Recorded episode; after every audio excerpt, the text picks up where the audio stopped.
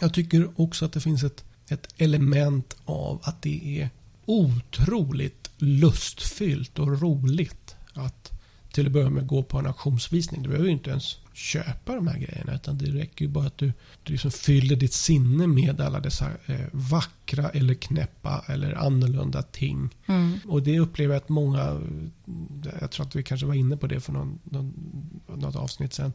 Det här att man scrollar igenom olika auktionssajter bara för att hitta roliga knäppa grejer. Mm. Eller alltså vackra spännande saker. Mm. Utan att man liksom nödvändigtvis har ett aktivt behov av dem.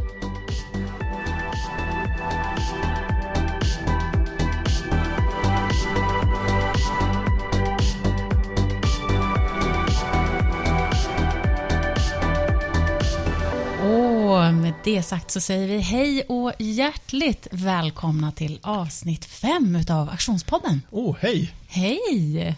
Nu, nu börjar det kännas, nu börjar man känna sig varm i kläderna. Ja, femte avsnittet redan. Eller hur? Ja, det känns kort tid. Ja, Ja, det har gått fort. det har gått fort. Ja. Det går fort när man, när man är underhållen. Ja, tydligen. Ja. Eh, lite, lite veterankänsla på det här. Vi, Nej, det skulle jag inte säga. Jag är fortfarande Bambi på hal is.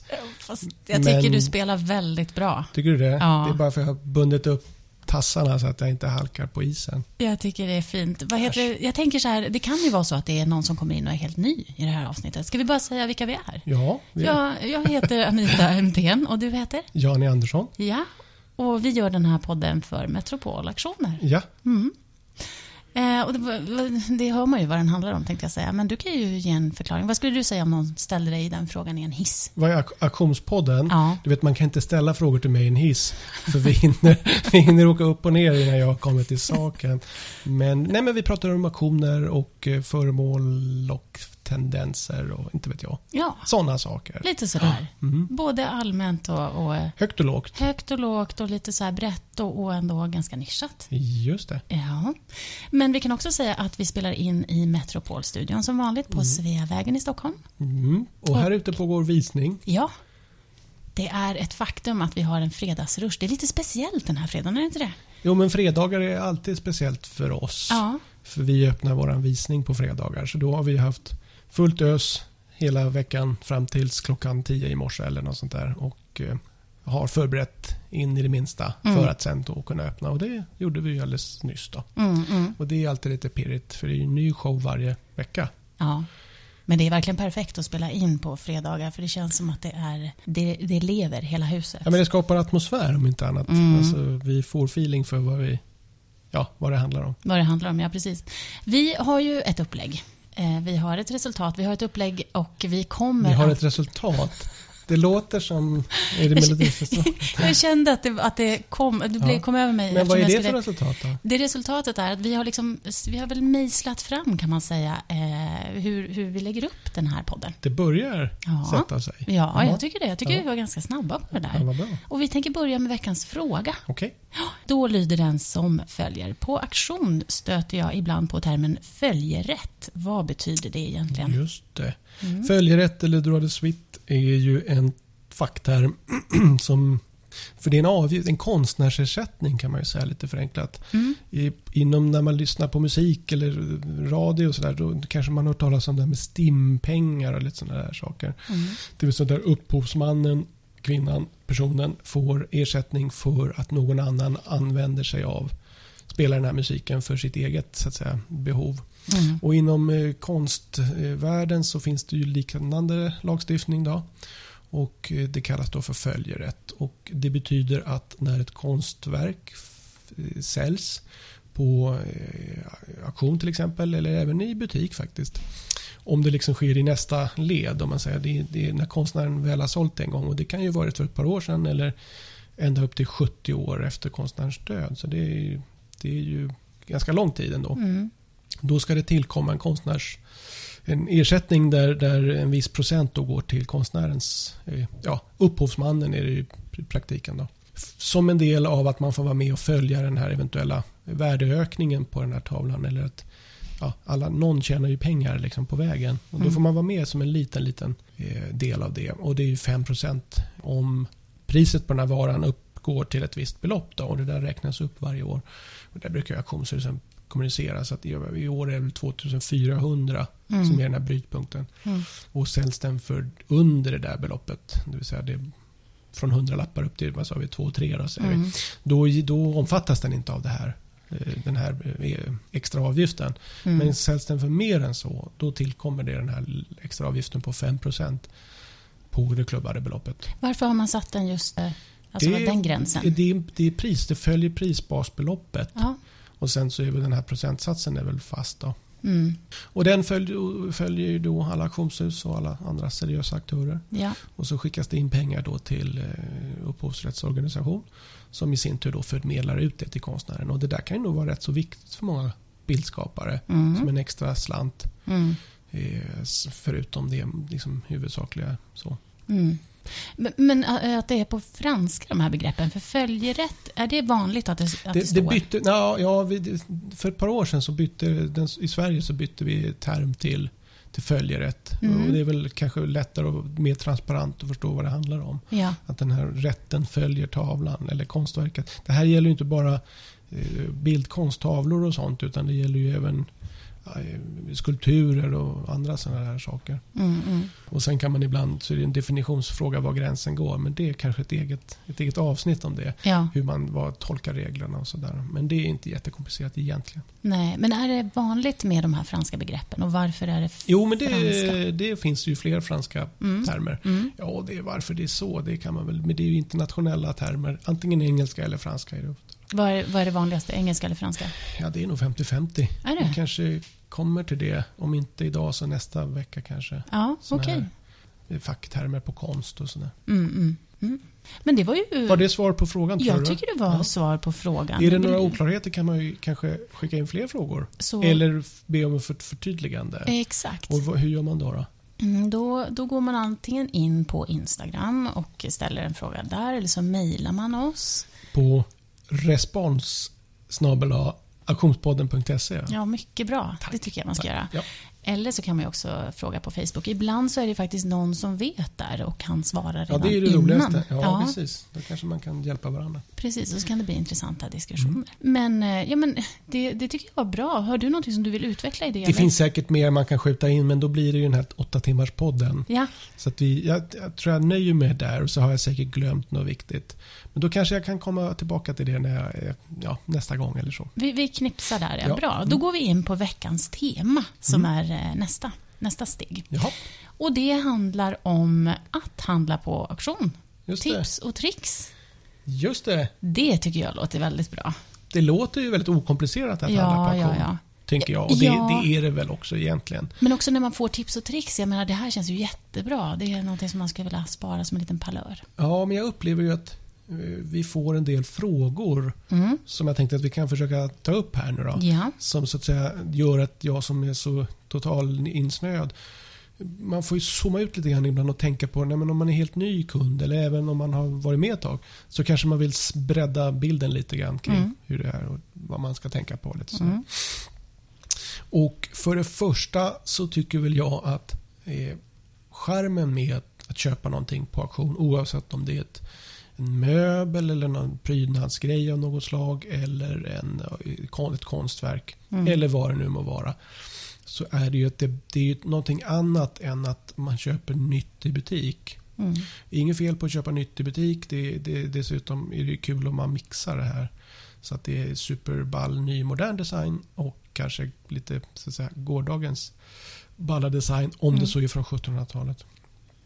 Och då är auktion ett utmärkt format för att hitta balla saker. Mm. Och det finns en trend, tycker jag, som kanske inte ens längre är en trend, men där vi liksom vill uttrycka oss själva genom våra hem. Mm. Och där vi, eh, ja, man vill så att säga visa upp, om inte annat för en själv, vem är jag? Och då tycker jag att eh, auktionsforumet, oavsett var man handlar, så, så ger det en helt annan palett till Mm. att hitta balla, unika föremål. Mm. Som inte nödvändigtvis behöver kosta några jättebelopp, utan det handlar mer om att man har en tanke om varför man äger just det här föremålet. Och då kan man liksom fynda inom citationstecken på auktion och hitta de här unika grejerna. Som ett komplement till att man säkert har en massa nytt Mm. nyinköpt. Jag tycker inte det behöver finnas en konflikt mellan de här två Nej. eh, fenomenen. Utan tvärtom så tillhör jag de här som tycker att blanda, blanda IKEA med 1700-tal. Liksom. Det Ja. är, go for it. Det är bara att det ska fylla en, antingen en praktisk funktion eller en estetisk funktion. Eller helst bägge delarna. Mm, mm. Men det gäller också att ha koll. Så. Det, det är inte så att har man gått på auktionen en gång så har man sett det som finns. Nej, precis. Nej, men jag tror också att eh, har man upptäckt auktion så kommer man att bli mer och mer, det är som med alla hobbys eller vad du vill kalla det för, så blir du ju lite vassare och vassare och mer erf- erfaren och dina ögon blir tränade på Mm. vad du själv tycker om. För det kan ju hända att du från början inte riktigt har ens reflekterat över det. Utan Nej. du har ju varit van vid att översköljas av det som, som marknaden i, de, i det här nyproducerade liksom vill visa att nu är det höstens trend det här och så vidare. Mm, mm. Medan auktion, eh, begagnade föremål, du har ju en helt annan, liksom, en annan ingång. Mm. Och, och, så. och det gör också att det kan, ja, det blir lite annorlunda. Ja, just det. Jag tycker också att det finns ett, ett element av att det är otroligt lustfyllt och roligt att till att börja med gå på en auktionsvisning. Du behöver ju inte ens köpa de här grejerna utan det räcker ju bara att du, du liksom fyller ditt sinne med alla dessa eh, vackra eller knäppa eller annorlunda ting. Mm. Som, och det upplever jag att många, jag tror att vi kanske var inne på det för någon, någon, något avsnitt sen. Det här att man scrollar igenom olika auktionssajter bara för att hitta roliga knäppa grejer. Mm. Eller alltså vackra, spännande saker. Mm. Utan att man liksom nödvändigtvis har ett aktivt behov av dem. Och rätt vad det är så hittar man något som man bara måste ha. Då, Ja. såklart. Men blir inte du lite trött på, liksom, du befinner dig i den här miljön och hur mycket scrollar du på andra sajter? Ja, det, vi, man, jag blir säkert yrkesskadad på något Mm. sätt. Va? Men, men jag fortfarande, jag har en annan ingång tror jag. Och det är att jag badar ju de här grejerna Mm. eh, hela tiden. Och det gör att man får ett lite annat perspektiv till det. Så jag är så glad att vi får ha saker till låns då eh, under ett par dagar. Där jag kan få klappa en fin sak. Ja, just det. Eh, och sen så eh, med varm hand lämnar över den till den riktiga köparen sen då. Ja. Och det kan många gånger räcka för mig. Mm. Och liksom resan dit med spännande man, när vi forskar kring vad det är för någonting eller liksom katalogisering. Och jag tror att jag också varit inne på det någon gång tidigare att det är så kul när man lär sig något nytt Mm. hela tiden. Mm. Så trodde, och den här veckan, nu har jag inget riktigt såklart exempel på det, men jag vet att vi, det, det, man har också gamla sanningar. Mm. Och så helt plötsligt så får man en ny ingång på att nej men det är inte det är inte den här formgivaren som alltid har trott. Mm. Utan det kanske är en annan lite mera lite osynlig formgivare som är den riktiga pappan eller mamman. Och sånt är ju också skojigt. Ja. Så det är lite mer på det där planet att man liksom lär sig nya saker hela tiden. Men vad, hur, kan du beskriva känslan som du känner när du inser att du vill ha någonting? Ja, nej men det är ju just det här att det är ju, man, man blir ju lite kär i grejer. Mm. Så, så är det ju. Och Mm. det kan ju vara ett konstverk och eh, det kan vara, ja, det kan ju vara vad som helst. En Mm. stol. Mm. Så kan man tycka att den är otroligt charmig. Mm. Vi brukar skoja om det här nere. eh, Och så att om jag bara hade haft ett rum till eller eh, ett Ja. helt hus till. då skulle jag gärna ha ägt det där föremålet. Ja. Eh, och så, skulle, så att jag har mer den inställningen. Mm. Mm. Att, att om jag bara hade haft liksom, kunnat praktiskt motivera det. Mm. Eh, då hade jag gärna köpt det här. Mm. Så, och, och så stannar man där. Mm. Eh, Men det var som när du beskrev din pilasterbokhylla ja, där. Att den var som en, en Ja, ja, ja. eller en... Ja. Ja. jag, jag får ofta en sån. Jag har heller inga problem egent- Just den här pilasterbokhyllan var Ja. lite speciell. Då. Jag har inga problem att sälja grejer heller. Nej. Alltså jag har inte fäst vid ting på det sättet. Men jag tycker ändå om dem på ett... De är lite besjälade. Mm. Mm. Och, och, och många gånger så, så tycker jag också att det är kul. Till exempel en stol Mm. som har några år på nacken. Och Det kan vara för att den är från 50-talet men den kan också faktiskt vara från 1700-talet. Mm. Och så tänker jag så här, men ja, det har ju suttit människor på den här stolen. Inte bara en person och en generation utan så börjar man tänka, det är ju svindlande. Mm. Och nu sitter jag 2020 på den här stolen. Mm. Man inte några konstigheter. Och miljön där den här stolen är har ju förändrats liksom 180 grader. Eller Ja. så. Så att, och sånt tycker jag är lite kul. Så jag brukar roa mig med, med sådana perspektiv. Alltså Mm. sätta de här antikvit- liksom lite an- antikviteterna eller lite udda sakerna Mm. idag i en annan kontext där de egentligen från början hörde hemma. Mm. Och det gör att jag får lite mer perspektiv. Det gäller ju även konstverk och sådär som man tycker om. Och så inser jag att men herregud, den här är ju 100 år gammal eller 150 år gammal. Mm. Mm. Och eh, det tänker man inte alltid på. Utan du tittar bara på att det är en fin bild eller rolig bild. Eller vad det kan vara. Och så får du lite det här att, ja just det. Och så kan man ta det ett steg till och tänka att vissa av de här sakerna var ju modiga på den tiden. Mm. Det är modigt att ta kanske ett helt nytt konstgrepp. Göra Mm. någonting som hela omgivningen tycker att du är helt idiot som gör det här. Mm. Eller till och med provokativt. Eller till och med så att du liksom eh, hot om ditt liv. Om, om vi ska spetsa till Ja, det. ja. För att du liksom sticker ut eh, och provocerar i Ja. en tid som inte riktigt tillåter. Och vi har kanske så även idag, sådana konstnärer. Och så zoom, zoomar man ut lite Mm, och mm. eh, inser att idag så tittar jag på bilden med, med andra ögon Mm. Och, och tar den för given. Men den var ju kanske inte helt självklar när den kom. Nej. Och det finns ju otroligt många sådana konstnärer. Oj, hintar du någonting om, om någonting som du vill? Nej, nej, nej. Ja, för, tusan. Utan Nej. det var bara... Ja, men det är intressant. Jag, jag tankar. tänker på de här rondellhundarna. Ja, och just det. Jo, men det ja. var väl kanske dagens Ja, konstnärskap. ja. Eh, Vilks, ja, just det. Ja, eller, ja, och det finns ju fler så att säga. Det handlar ju också om vilken miljö var, Mm. var de, så säga, du har ju kineser och du har ju Mm, öst och så vidare. Mm. Så det finns ju många konstnärer som, som lever ett högt pris för sitt konstnärskapande. Ja, och, det har, och så har det varit i alla tider. Just det, just det. Men det, det, det jag menar var att när jag tittar på ett gammalt konstverk idag Mm. så kan det vara lite kul att se när, i vilken tid blev det till. Mm, mm. Och, och, och ibland, det gäller inte långt ifrån alltid, så kan det finnas ett ytterligare lager av att man faktiskt har reflekterat över det, tycker jag. Mm. Ja, men om vi ska gå tillbaka lite grann till det här med tips och tricks då. så kan jag bara ta upp ett exempel. Jag, jag scrollade runt igår och såg en eh, jättefin sån här eh, men en stol, en sjuan helt enkelt, Ja. som var en kontorsstol. Eh, med eh, fina armstöd. ja, armstöd Mm, ja. och så var det då en skinnklädsel på Ja, den. Och den var just det. väldigt använd. Ja, Så att eh, det, det stod ju också alla defekter som var på den och så. Men i grunden så var den jättefin. Och det var en Fritz Hansen och så. Är det Och som med hjul, sådana här stålrörsben och Exakt. så fem, sex hjul eller vad det nu är på de där? Något sånt ja.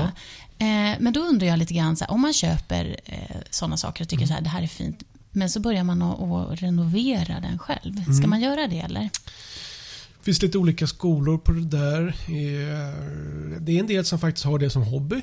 Men man ska nog ha klart för sig att det är betydligt svårare än vad du tror. Mm. Och Sen beror det lite på, det är ju skillnad på att dra på ett nytt tyg på en stol än att börja liksom tapetsera om och gå på när du ska liksom öppna upp kan man säga, en möbel för att komma åt kanterna. Mm. Då, då är vi där att då ska du liksom stänga den där, så att säga, få tillbaka grejerna igen. Mm, mm, Och det kan nog vara betydligt svårare än man tror.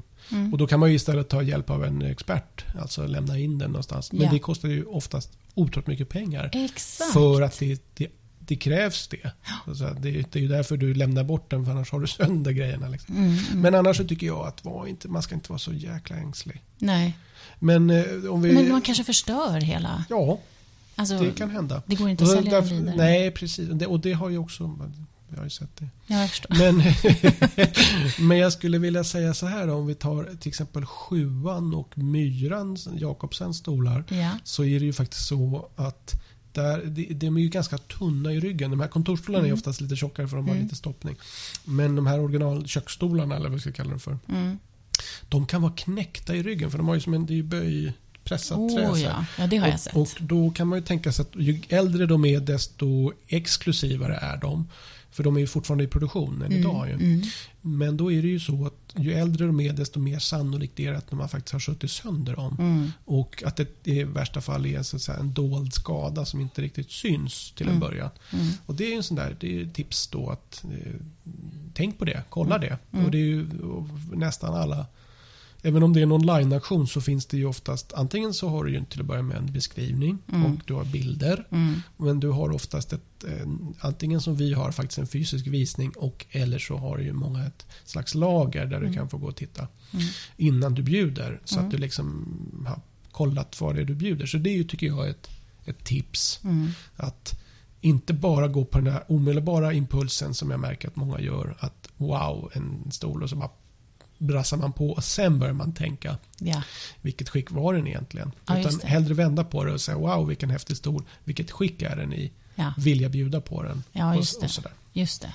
Men hur ska man veta det då om man inte kan se den rent fysiskt? Nej, men oftast så brukar ju auktionshusen, vi försöker ju beskriva det så gott det går. Ja. Eh, eh, så att ben bor liksom i närheten av det lokala auktionshuset eller utställningslokalen. Så tycker jag att man, det är ju begagnade föremål. Mm. Så det, det, det kan vara klokt att just när det gäller den här typen av möbler som du ändå ska någonstans använda.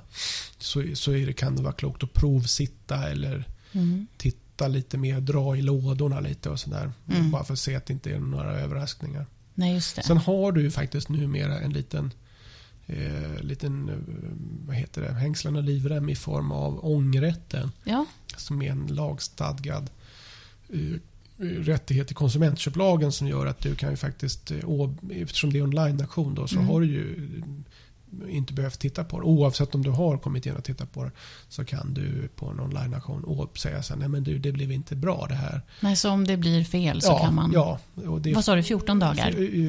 de flesta har ju 14 dagars Ja. ångerrätt. Och då räcker det att man talar om då att nej, men ja, du behöver inte ens motivera varför. Mm. Men eh, då kan du säga att nej, men den här stolen var ju faktiskt inte i det skicket jag hade föreställt mig. Nej. Vi möter ibland att ehm, det, saker och ting är inte i den storlek som, eh, som man har förväntat sig. Det är ganska Okej. vanligt märker Tror på- man att den är större eller mindre? Nej, man har trott att den är mindre oftast. Men Ja. även det omvända kan ju faktiskt hända. Ja. Det vill säga att du har köpt en jättefin tavla och så står det måtten på tavlan. Mm. Men så visar det sig att den är ju faktiskt en meter är ju faktiskt större i verkligheten än när du har gjort en inre bild av den. Just Plus det. att det kanske är lite ram på den och sådär också. Så då är vi uppe i lite mer. Då. Ja, ja, Och då kan ju det vara lite chockartat ibland, Mm. märker jag. Och det är Mm. lite charmigt. Just det. Och då har du ju den här nödutgången att är det liksom katastrof Mm. så kan du ju faktiskt lämna tillbaka. Men då ska man, tycker jag, tänka på det att eh, när man ångrar sig på auktion så är det ju inte riktigt samma sak som när man ångrar sig när man har köpt ett par dojor på Zalando. Mm. Utan det är ju kanske så att du har varit med i en budstrid. Det har ju varit flera människor som har velat köpa den här. Just det. Och eh, det är frustrerande då att eh, någon annan köpte den. Och så visar det sig att den personen inte fullföljer köpet. Mm. Då kan man ju bli lite både irriterad och eh, förvånad och lite osäker och eh, orolig till och med. Som säljare, tänker du? Nej, annan budgivare. Ja, ja, ja. Medtävlare i den där eh, tävlingen.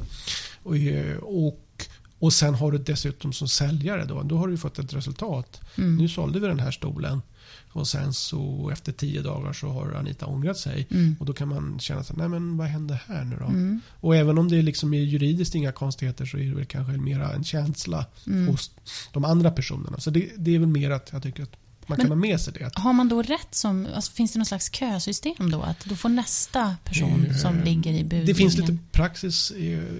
Jag menar det har ju kunnat bli tokigt i alla tider. Ja. Och beror lite på vad det är för värde. Liksom, vad pratar vi miljon eller vad pratar vi om för nivå? Mm. Då kan man som det heter gå till underbudgivaren. Det vill Ja. säga den som var next in line. Och, och, och, och höra vad finns det ett intresse av att överta den. Men det är i praktiken oftast lite komplicerat. För då ska man hitta ett nytt pris. Mm. Och det är inte nödvändigtvis en hundralapp under det förra priset. För ni har kanske stridit på slutet. Mm. Du och den här personen som hoppar av. Och då är inte du så pigg på att haka på där. Då, på, alltså, så.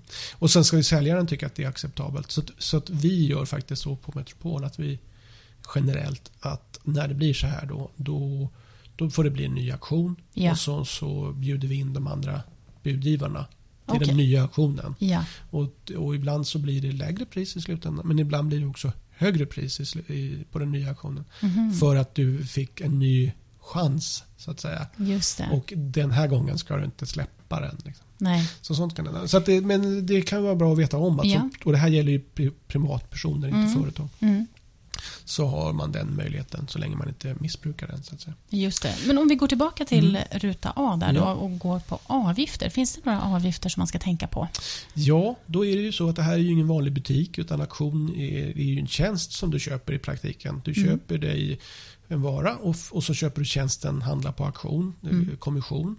Och då tillkommer det då köparprovision Mm. som i vårt fall är på 23% inklusive moms och en fast avgift på 60 kronor. Så Mm. det tillkommer alltid en peng plus eh, talar vi om följerätt för en stund sedan. Just det. Så har du köpt ett dyrt konstverk så tillkommer det ytterligare 5% på det här klubbade beloppet. Just Så det. det kan ju vara bra att ha det i bakhuvudet. Att det blir lite mer än, än, än det här budet. Sen ska man ju ha klart för sig, vi har talat om maxbud någon gång tidigare. Mm. Att du kan ju, och det rekommenderar jag att man gör. Eh, snarare än att lägga hela tiden liksom, aktuellt prisnivå plus ett steg upp. Mm. Så ska du faktiskt fundera på var går min smärtgräns eh, i budget. Vad har jag för budget på den här Mm, varan? mm. Vad kan- Och så lägger du det budet eh, eh, via den här tjänsten. Maxbud eller budagent eller vad det kallas för. Mm.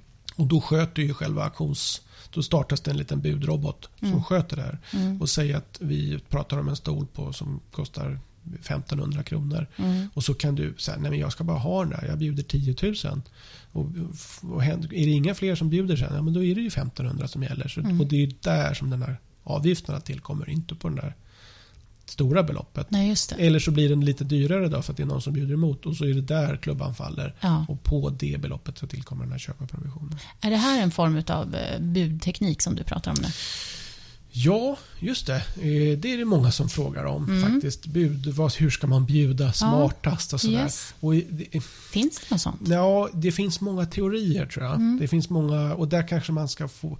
Det spelar nog ingen roll vad jag säger tror jag. Utan folk, man har sin magkänsla. Mm. Men vi ser ju olika strategier som funkar olika bra. Och eh, det finns en metod som går ut, och det här gäller ju även förr i tiden när, alltså när det var klubbaktion Mm. i live. Då kan Ja. man också, där var det kanske ännu mer så att där var det viktigt med psykologi. Och Just man kunde liksom hetsa, eh, markera att här eh, Ja. Antingen är man, kommer det vara långdraget eller så liksom höjer man med ganska kraftiga bud för att Oj. skrämma Ja, kombatant. ja. Det här tror jag gäller även i, när man lägger fastighets, alltså köper hus eller lägenheter. visst. Då tror jag att det här förekommer att Mm. man funderar på hur ska jag strategiskt försöka få bort den här andra personen som. Mm. Mm. Men då finns det i huvuddrag eh, så finns det de som väljer att bjuda här och nu. Mm. Och antingen så lägger man ett lågt bud eller så lägger man ett maxbud. Men man gör det nu. Liksom. Mm. Och sen finns det de som vänt, tror att man har att vinna på att lägga det så sent som möjligt. Ja. Innan liksom... Det skulle nog jag tro. Ja, Mm. och, det, och det är ju logiskt på sitt sätt. Mm. Och det är ganska festligt för vi ser ju det här om inte annat efteråt då att helt plötsligt så, så dök det upp fem personer samtidigt som Ja. alla ryckte upp näven samtidigt. För man väntar, upp, man väntar ut varandra Ja. på något sätt. Och det har ju sina fördelar såklart för det kan ju hända att de andra har glömt bort det här eller liknande. Mm. Men det kan också innebära att det blir en total prisrusning. Ja. För att det blir den här liksom omedelbara paniken. Mm. Och, och då, då är det Fy. lite dumt. Ja. Och sen så kan det här också, och det är ju ganska, det är inte ovanligt i alla fall, att du själv tillhör de här som har glömt. Ja. Du har koll och så, så, så och händer någonting. Mm. Det är pastan börjar koka brukar jag säga. Mm. Eller någon, barnet säger någonting. Eller, tiden går ju ofta fortare än vad man tror. Man, man har en halvtimme kvar så det är ingen Ja. fara. Mm. Och sen var det en kvart sedan den här klubbans, liksom, så, klubban gick. Så Ja. det är den stora risken med det. Mm. Mm. Så jag brukar faktiskt aktivt avråda från det. det Ja. finns, alltså nackdelarna är omedelbart mycket större än fördelarna med att vänta in i det sista. Mm. Dessutom har ju de flesta auktionshus ett system där, där, där bu, sista budtid förskjuts Mm. för att det inte ska gå att ha en robot eller liknande som ligger och Ja. eller att du ska sitta Ja. med knapp, liksom fingret på avtryckarknappen och så Mm. vänta in den sista sekunden. Och då, då vinner man ändå inte på det för då, då hinner de andra reagera. Så. Men jag tror inte att det spelar någon roll vad jag säger utan tror man att det är det smartaste sättet så kommer man att göra så. Men jag brukar faktiskt aktivt avråda från det. I synnerhet om du är lite grön. Ja. Men eh, finns det någonting som ni gör med tekniken som gör att det kommer att förändra på något vis? Alltså hur man, hur man lägger bud och så? Eh, ja, det, det, man försöker väl alltid liksom ta bort de här trösklarna som det heter. Mm. Men för, för min del i alla fall så tycker jag att det är jätteviktigt att det inte råder någon som helst diskussion efteråt om att du aktivt ville bjuda. Mm, mm, Så vi kräver till exempel att man signerar varje bud mm. med en liten kod. Ja. Så att det liksom inte bara råkade slumpa sig att du kom åt någon knapp. Nej. För att det är så tråkigt om det liksom blir en affär för att du inte förstod att du gjorde en affär. Mm. Så, att, eh, så det där är en fin balansgång mellan att det ska vara tillgängligt, okomplicerat och att det inte ska vara någon tvekan om att du aktivt faktiskt la ett bud. Mm. Men nu sitter ju vi här i Stockholm. Det finns Mm. ju auktioner runt om i hela landet. Och Hela så. landet och hela världen. Hela världen, Ja. ja. Men, eh, men eftersom vi utgår härifrån, Mm. vad händer då om man vill bud, lägga bud på någonting här och inte bor i Stockholm?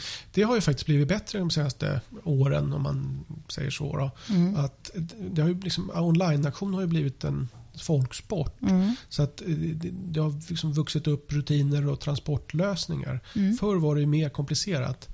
Eh, och framförallt om det är något stort. Antingen en tavla som liksom så att säga är lite skör. Ja. eh, Eller en stor jäkla möbel som faktiskt inte går att stoppa ner i brevlådan. Så eh, har det alltid varit lite komplicerat att frakta de här sakerna. Det är egentligen den stora utmaningen. Just det. Men numera så finns det, vi, vi har till exempel lager i Göteborg och Malmö Ja. och Helsingfors. Ja. Och, och, Bra veta. bo, bo, ja, jag är lite synd att det inte är så mycket uppåt av någon Nej. anledning. Men det är, Nej, vi har ju partners det. för det här. Då. Men, Ja. men sen så går det ju att skicka allting. Det är bara frågan om, eftersom alla föremål är unika så är det Mm. bara frågan om vad kostar det att skicka det här. Alltså Mm, vad, mm. hur mycket emballering och sånt kräver den för att överleva resan. För Mm. att sen så, vi har ju både specialisttransportörer men man försöker ju också använda sig av alla de här Fedex och Postnord och allt möjligt. Och då, är det ju, då ska man ha klart för sig att de är ju inte vana att flytta sköra antikviteter. Nej. Utan de här paketen lever ju ett Nej, ganska jag hårt liv. Ja, precis. Och det är den stora utmaningen då att se till att de här du har köpt en fin grej, då ska Ja. den ju komma fram Ja, ja. sam, likadan som den var på visningen. Som, så att, men allting går att lösa. Mm. Det, det, det är Men du sa att uppåt landet så fanns det inte så Mm. många sådana här lagerställen. lagerställen. Så är det någonting man kan säga? Hallå? Ja, det, ja, jag, Om det är någon och det är väl lyssnar. orättvist. Liksom. Ja, precis. Nej, men jag, och jag, det har säkert med alltså, transporterna är ju på väg. De är ju, åker neråt och så åker Mm, så småningom mm. ner till kontinenten. Ja. Så det har säkert med det att göra. Och, och, men det är lik förbaskat frustrerande tycker jag när man Mm. pratar med kunder som bor en bi- bit uppåt. Att vi inte har ett, ett, sånt där lagerställe där vi kan skicka. För det är oftast det billigaste. Ja. För då behöver man liksom inte, då går det i egna bilar och så är det inte så. Mm, mm. Så behöver man inte eh, överarbeta själva paketeringen. Nej, Men det. det. kanske kommer. Ja, just det. Eh, har du något tips på vad man ska tänka på om man vill eh, fynda?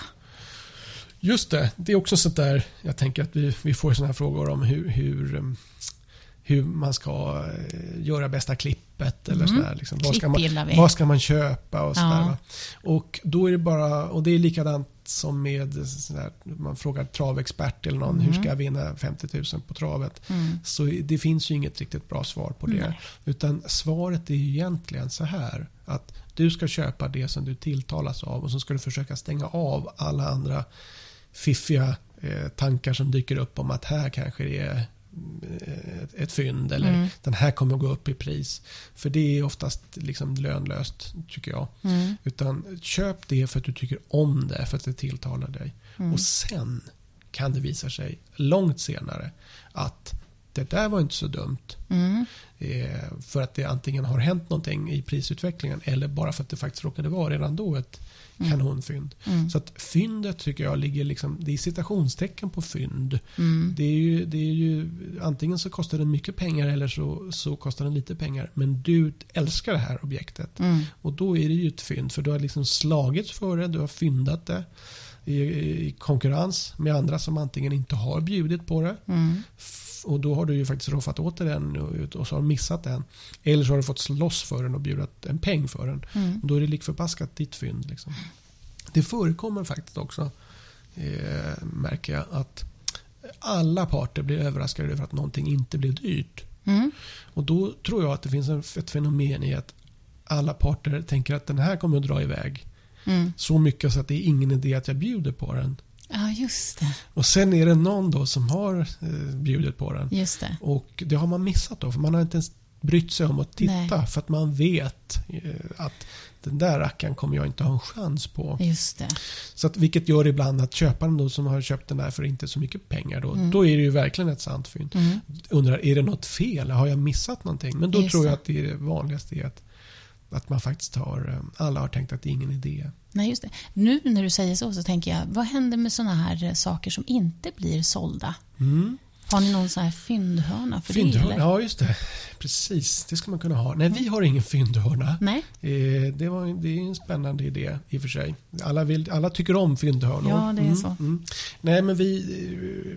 Det, det på en auktion, och det har vi väl pratat om någon gång tidigare, att vi, på, vi vill ju att allting ska bli sålt. Mm. Men, men det är sällan 100% utfall på en auktion. Mm. Och då brukar vi eh, försöka en gång till. Man tar med föremål på en senare auktion och så har man har vi justerat priset neråt lite grann bara. Mm. Och så brukar det göra susen. Mm.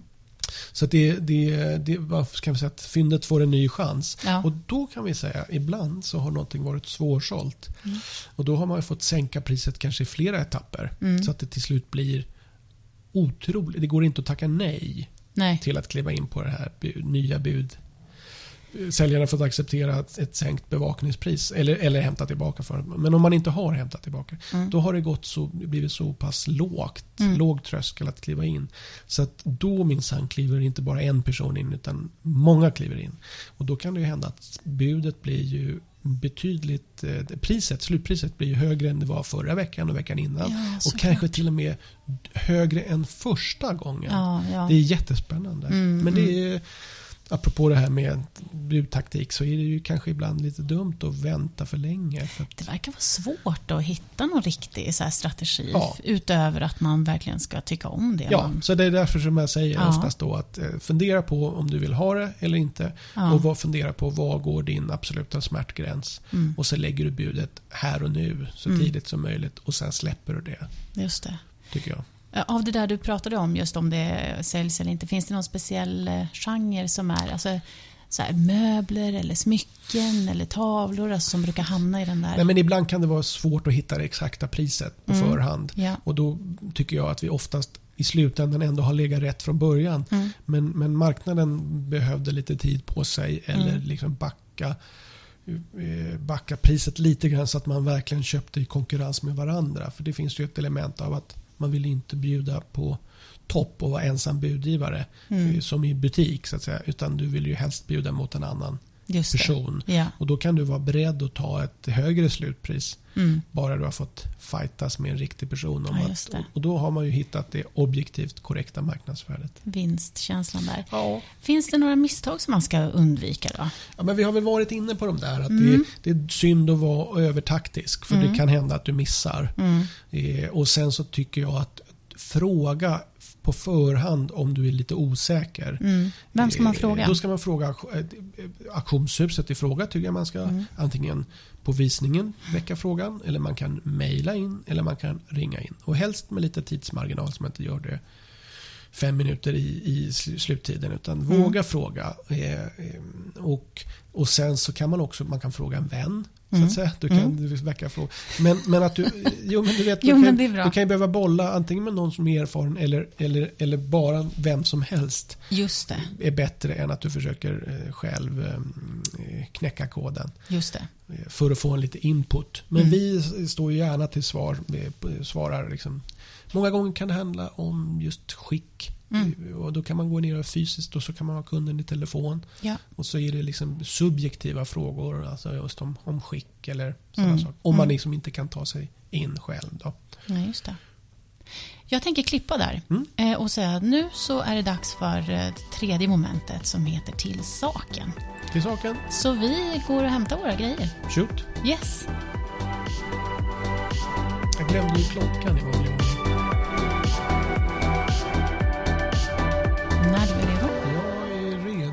då är vi tillbaka. Jaha, just det. Nu har, vi, nu, nu har vi kommit tillbaka från ett besök på visningen. Ja. Ja, full, full rulle. Men vi vill ju också bara så här göra en liten recap från avsnitt tre när vi pratade, eller när vi tog upp, valde varsin sak. Ja, just det. Det var ju flera veckor sedan. Ja. Vad, vad valde vi för någonting då? Vi valde, jag valde den här kanonen, bordskanonen. Bordskanonen, ja. ja. Då ska vi se. Då går jag in och tittar här vad den... Eh, Just det, och så, så hade den en liten kompis också i form av en liten, liten rackare. Ja, just det. Ja, så, men vi tog ju bara stora bordskanonen. Mm. Men, eller ja, stor och stor. Det är Ja. en bordskanon. Men den var tung. Den var tung, ja, Mm. just det. Den såldes för utropet, nämligen 800. Ja. Det är ju bra pris. Men, Men jag såg att vi sålde en också häromveckan och det är också, lika också för samma ungefär. De här Stavsjöbruk. men vem, och vem köper den tänkte jag säga. Ja, ja, det- Det vet jag, men det kan jag inte säga. Men eh, det, det är ju spännande. Det Man- undrar ju var, är den, var kommer den att få vara? ja, Mm, jag trodde ju faktiskt att den gick att tända på. Sådär, Ja. Men har jag berättat det att vi har faktiskt haft sån här, en riktigt fin den var lite större den här, vad kan den ha varit, en halv meter kanske? Eller en, Ja. Som med hela kittet, inklusive någon slags krut och sådär. Va? Har ni, Ja. har ni sålt ja, nej, det? ja, men jag vet att den var inne i alla fall eh, för många år sedan. I en Oj. liksom väska och i mässing var den också. Den var ju jättehäftig. Men har man den som en sån här salutkanon Ja, men jag hemma? gissar att det är någon slags, ja, ja eller liksom, eh, inte vet jag. Kul grej. väldigt, väldigt annorlunda. Ja. Man kanske har den vid någon festivitet. Ja, jag tänker det va, för det är inte något hot. Man, nej, man nej, nej, det, nej, att nej, det är inte så skydda sig själv. Nej, det, det verkar vara ett väldigt opraktiskt sätt att bedriva gangsterkrig med en bordskanon. Ja, men det är väldigt, jag tycker Mm. Det är som väldigt de här gamla duellpistoler och sånt där. Vi, och vi ska inte ens gå in på det här med vapenlicens och vad man får sälja och så. Nej, just Men, det, men det är väldigt, det. oftast är det liksom de här mynningsladdarna då, det är väldigt extremt opraktiskt. Ja, Så att, det, då finns det betydligt fler bättre sätt eh, att, så att säga, ha ihjäl sin motståndare på ja att de här Inte sånt där. Nej. Inte sånt där. Nej, Och vad, jag dumt. valde jag de här brattglasen. Det gjorde du ja. Och så har jag för mig att Mycket. jag dessutom hade en hjärnsläppa sa något helt annat. Monica Bratt, de här röda Reimyre-glasen. Ja, ja. Det här var ju någon slags små eh, spetsglas, alltså snapsglas eller något sånt där tror jag att det här är. Mm. De var så pass små så det var inte vinglas. Eller möjligen att den var, jag minns liksom inte riktigt. Jag minns att man kunde ha ett ägg sherry- där i och det tyckte Ja, inte du var en bra Nej, det idé. tyckte inte jag var bra. Möjligen att det är någon slags sherryglas Ja, eller det. starkvinsglas. Mm. Snarare det då skulle Mm. jag kanske gissa sig efteråt. Sex stycken små, de var 11 centimeter med fot. Mm. Och 350 kronor. Jaha. Det är ju ingenting. Nej, För sex stycken. Wow. Det är, vad snackar vi, för 60 spänn styck. nu är det någon som är glad.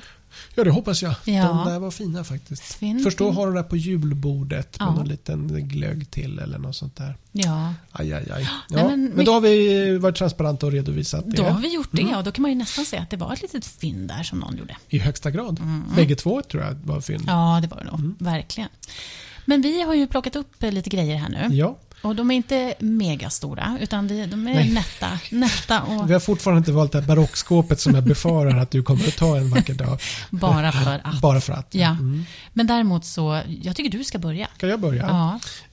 Den här veckan har vi så otroligt mycket grejer på, på visningen. Mm. Så att jag hade lite svårt att välja. Ja. Det var så otroligt mycket eh, spännande grejer. Så jag gick på något gammalt eh, säkert kort. Eh, Gammalt säkert ja, kort, säger de här du? är också en liten kompis. ja. Det är mer det tror Oj, vad jag jag som gör det att är det... fint. Mm. De är mönstren. Ja, Mm. det här, den här heter väl Snurran.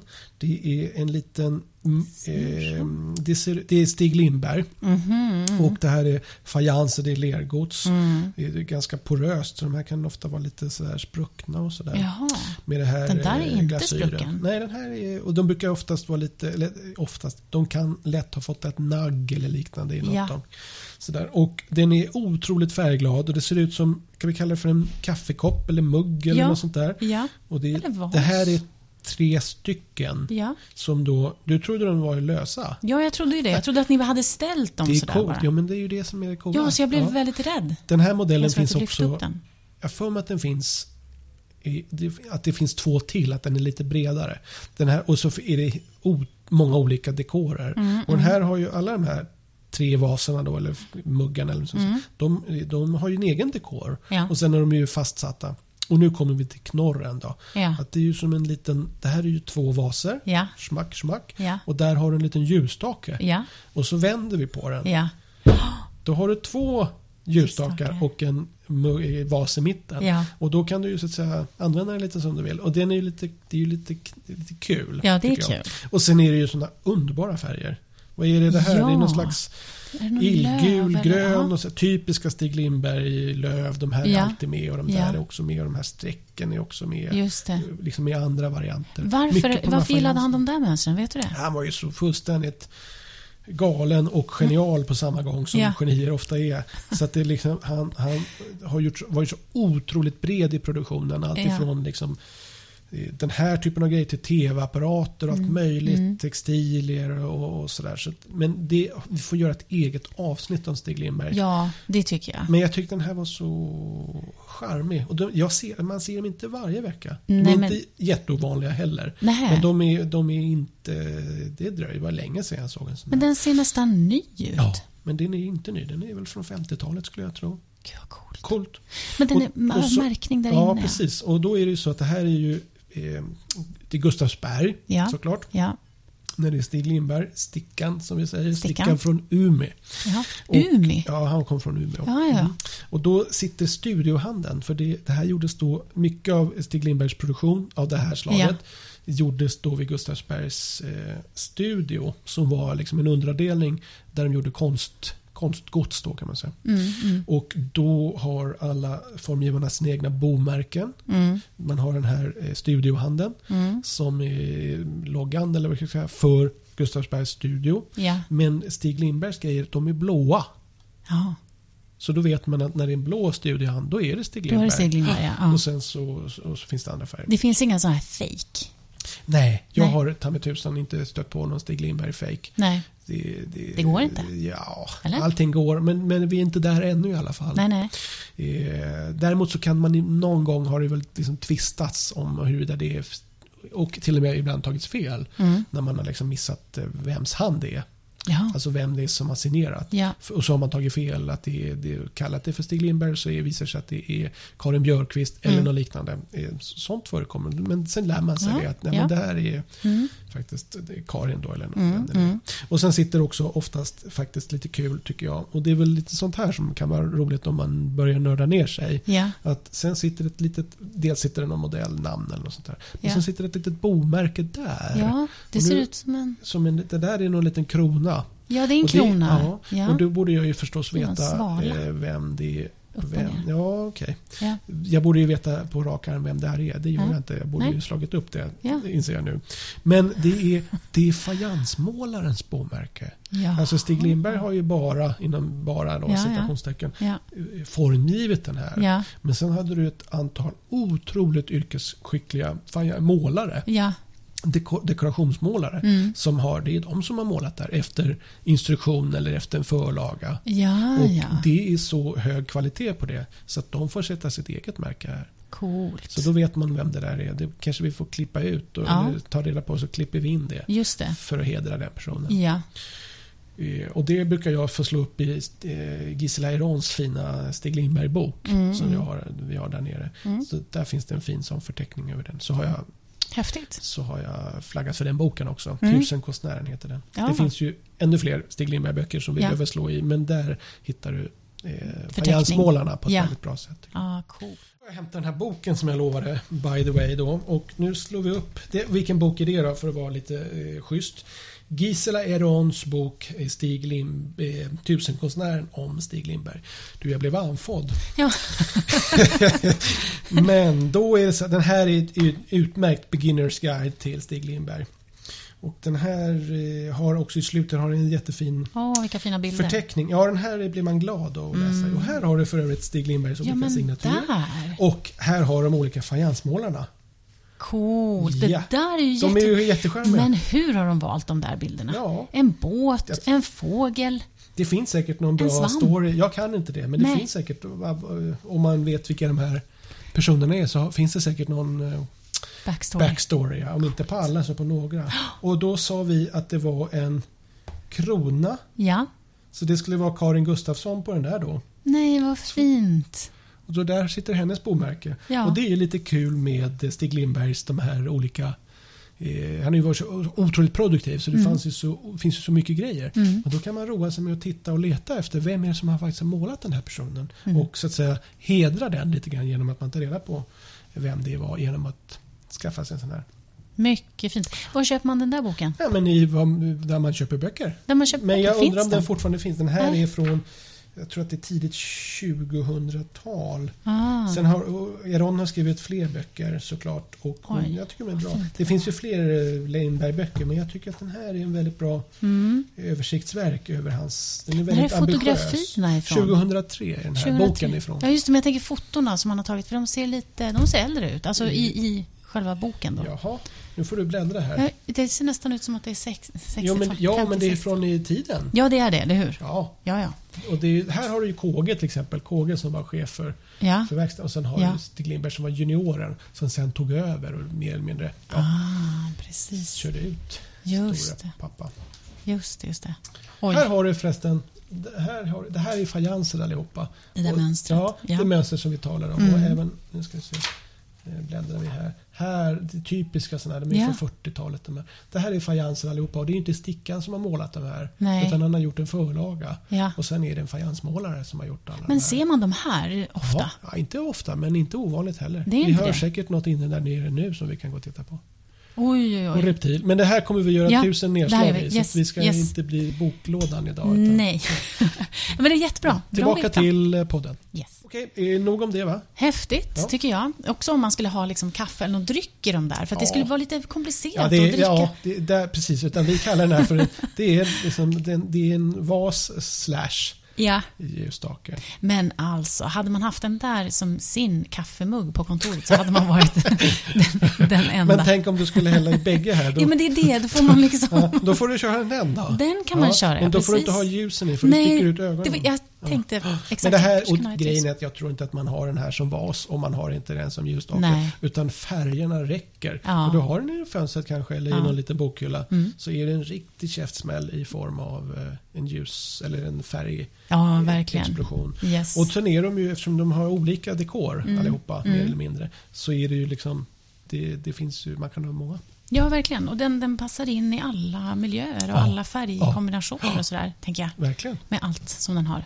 Mycket, eh, utan att bli långdragen Mm. igen då, mycket av Stig Lindbergs design var ju är från, liksom, höjdpunkten är från 50-talet. Ja, Men den är så tidlös samtidigt. Så de kan ju liksom, de, är, de funkar hur bra som helst idag. ja. Det är ju det. Det, och det är väl det där vi. en del av genialiteten ligger. Liksom. Ja, mycket coolt. Jag har valt någonting som, som fick mig mesmerized, säger man. Ja, det först, ja, du har valt det exklusivaste. Du gick på det. Jag känner mig Ja. väldigt gl glittrig idag. Ja, men det förstår jag. Ja, Den är underbar. den är, den är sjuk. Ja. Alltså, jag vet inte, den är lite så här, den är så intagande så man kan inte sluta titta på den. Åttakantig eh, skål från England, Wedgwood. Designklassikern Wedgwood. Brittiska Wedgwood grundades 1759 i Stoke-on-Trent, Staffordshire. Fabriken startades av Joshua Wedgwood och Wedgwood räknas vara en pionjär inom den tidiga industrialismen i Storbritannien. Ganska tidigt insåg Joshua Wedgwood det nödvändiga i att hålla sig ajour och modernisera fabriken och han förbättrade bland annat transporten av lera och flinta från andra trakter i Staffordshire genom att bygga kanaler.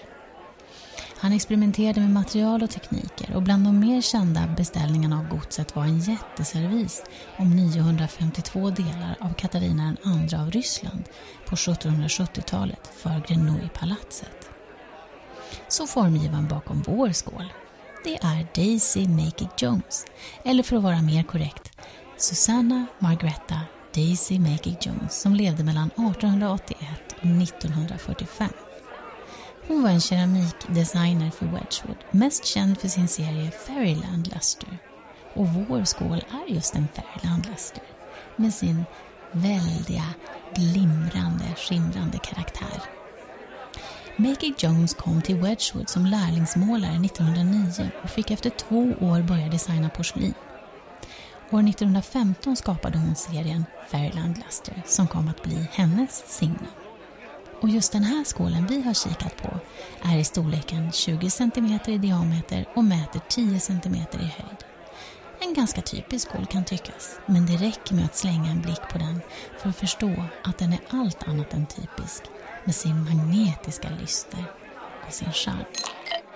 Och det är så eh, mycket färger och lyster på det här. Ja, enormt. Hur har de gjort med det där? Ja, Jag menar, det- beroende på hur, vilken sida, vilket håll man Ja. tittar ifrån så får den en... Jag vet att det här nere, i, i, redan i, mor- alltså, så sent som i morse här så höll vi på och pratade om eh, med fototeamet om att man eh, ska försöka göra om, ta fler bilder på att den is, för att det är så svårt att fånga ljuset Det kan jag tänka mig.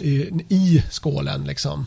Eh, För att det är, det blir som en nästan, eh, dels är det lite sån här olje, vad heter det, Eh, du har ju som en påfågels, Ja. hela påfågelns palett i Ja. de här blåa och lite Mm, mm. grönblå tonerna. Mm. Och sen har du lite det här som petroleum kan ibland Exakt. dra iväg i de här eh, skiftningarna. Ja, det där skimret som blir. Ja, det är skimret ja. Och det kan ibland vara svårt faktiskt att att få till på bild. Mm. För att, eh, ja, med blixtar och allt sånt där. Men, Hur gör man? Vet du någonting om hur man gör för att jobba med den? nej, nej, här Nej. någonstans börjar vi närma oss Ja, ytterkanterna för mitt kompetensområde. Men jag förstår ju att det är en otroligt skicklig, ja, ungefär som vi pratade om den här dekorationsmålaren Ja, på Stig Lindberg. ja. Så har du ju den här, har ju, det är ju någon som har målat den här ändå.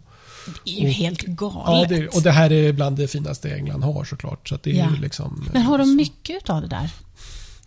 Eh, Wedgwood är ju kanske mer också till vardags kända för deras eh, fine china, deras eh, Mm. porslin. Alltså Mm. som man antingen äter på, eller mycket kaffeserviser och sånt där. Mm, Men, men det här är ju en prydnadsvas, eller skål skulle jag kalla det för. just det. Eh, Och det, och det finaste du har antagligen va? Mm. Men vad har man i den där? Man har ju ingenting i den. Man lägger det är inte det. godis i den. Nej, det är ju precis det. Är ju, eh, bonbonnière är det inte heller och det är inte Nej. fruktskål. Nej. Och även om det skulle ha varit det så, så har det ju inte, jag tror inte att det någonsin har varit i praktiken utan det här är en show-off-skål. Just det, Som den du där vill har, inte... den vill du visa upp att kolla vilken häftig eh, skål jag har. Ja, ja. För att utsidan är ju inte densamma som insidan. Nej. Att, Nej, och det är som en hel saga på den här. Exakt. Det är lite eh, orientaliskt Ja, mönster. är tusen och en natt. Tusen och en natt, ja. Ja. precis. Det, Men det här eh, numret här som vi ja, ser i ja, botten på på- Om vi skålen. vänder på den. Mm. så har du ju typiskt sån där Wedgwood Made in England och sen sitter det ett modellnummer. Jag tror att det här är modellnummer, alltså så att man det är fabrikens lilla bomärke. Ja, Det säger mig ingenting. nej. Men det går säkert att slå upp det i någon slags verksförteckning från Wedgwood om man liksom vill nörda ner sig på Mm, mhm. att eh, detaljstudera när den där gjordes och av vem och lite sådana där grejer. Just det. Nej, den är... Till och med här ser du att det skiftar lite i de här... Per, Exakt. Pärlemo är det ju också. Ja just det, exakt. Mm. Men just den här eh, beteckningen med numret och så ser lite mer tillfällig ut. Alltså den ser nästan handskriven Ja, ut. den är handskriven. Den Ja. här är ju tryckt. Själva Ja. Och så är det ju på... Nu hade jag inga sådana. Jag har inget annat här heller. Mm. Jag ska se. Här ser du. Det här, nu råkar jag bara ta en modern Ja, eh, ja. Royal Copenhagen Mm. eh, mugg här. Mm. Och då står det, då sitter det ju, det där är ju Royal Copenhagens runda logga. Och den är grönt Tryckt. och den är ju tryckt på samma sätt som Wedgeports märke är. Och sen har du här har du ju bomärke för den som har målat just den här. Just. Plus att de här tre vågorna är då eh, Royal Copenhagen. Ja. Och sen har du där har du någon liten minisiffra som avser just den här muggen mm. i deras totala modell. Då. Hur väljer de sina si- signaturer? Alltså för det är inte deras namn. Det här kan jag tänka mig är någon slags förkortning för, För namnet. ja, Eller så är det att de har så många så att de har någon kod för det. Just det. Det vet inte jag, jag tänkte på faktiskt. i och med den där kronan där till Ja. exempel i, i Ja, men den, den har de nog valt själva. Ja. Någon har någon liten orm och Ja. någon har en sol och så Mm, vidare. mm. Så där var det ju, de var Mm. inte så många, det var väl 15-20 stycken kanske. Mm. Så att eh, de, eh, där fanns det nog mindre produktion. Ja, Men här är det nog något annat system. just det. Ja, men där, det är i alla fall utmärkande för att det, det är Ja, mer... men man vill kunna spåra vad är det, Ja. var, var i Och det gäller nästan all Mm. produktion som är gjord på fabrik. Mm, Så, vi, så finns det någon hemlig kod någonstans. mm. För, och den är ju om inte annat för fabrikens egen skull. Liksom. Mm. Då och sen så. så. Men det, gör är, det är ingen tung pjäs där. Nej, den här är ganska tunn. Mm, Tror jag också i, eh, Den i känns- godset. ja, Mm, precis. mm. Nej, det här ska, ja, den är så makalös den här så du har ju bara verkligen valt en riktig praktpjäs. Ja, Jag tror att vi har ett utrop på 8-10 tusen på den där och det, ja, ja, det ska bli spännande att se vad den verkligen. säljs för. Verkligen. Ja, Är vi nöjda där? jag eller? tycker vi är nöjda där. Eh, och jag känner mig väldigt nöjd Ja, men om du är nöjd så är jag nöjd. med, eh, med skålen också. Det är härligt att få se, se de här fina konstverken. Vi tänker eh, avsluta Jaha, med att berätta var vi finns och var ni kan få tag på oss och sådär. Vi kan ju också bara återigen säga att det är Anita MTN och Janne Andersson. som gör Aktionspodden. Ja, Och eh, om det är någonting som vi har pratat om eller om du undrar över någonting, du vill att vi, eller, att vi ska berätta någonting mer. synpunkter eller framförallt eh, man vill fördjupa sig i någonting eller Ja. tips och idéer på vad man vill höra i podden så mejlar man in Ja. och i respons att auktionspodden.se Yes. eller så skriver man på sociala medier på Fejan och eh, Instagram. Ja. Och då svarar vi eller någon annan, men vi kommer absolut att svara. Ja, vi försöker svara på rubbet så fort som möjligt. Ja. Då tackar vi för oss för den här gången. Tack för idag. På återhörande.